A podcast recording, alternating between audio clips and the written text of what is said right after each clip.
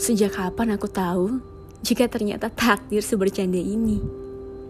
Atau mungkin diriku yang terlalu dalam menyelam hingga tak mampu melihat kilatan cahaya di permukaan. Semesta memang tak dapat ditebak, seperti jalan pikiranmu yang bak menang kusut.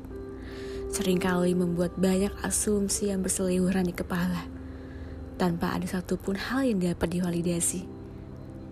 Semenjak hal-hal di luar nalar menghampiri hari itu, kenangan demi kenangan yang tersimpan rapi di sudut memori entah di mana menyeruak ke permukaan dengan riang gembira. Ah, benar. Aku ternyata tak jatuh sendiri selama ini.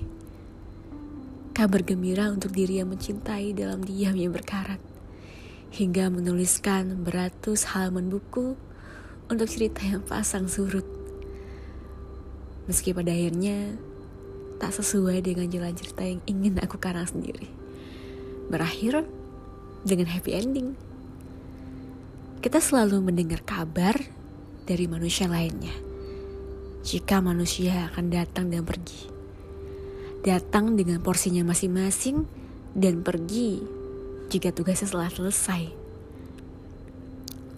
Kau adalah manusia favorit yang datang untuk singgah. Mendengarkan segala macam keluhan kekanakan yang mungkin bosan kau dengarkan. Menemani dengan senyum dan candaan yang acap kali kadang membuatku kesal.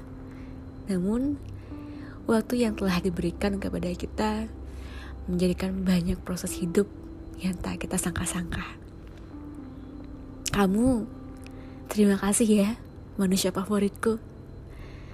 Semesta memang tak mengizinkan kita untuk berlayar di kapal yang sama. Tak apa. Tak masalah. Selagi kita masih berada di lautan yang sama.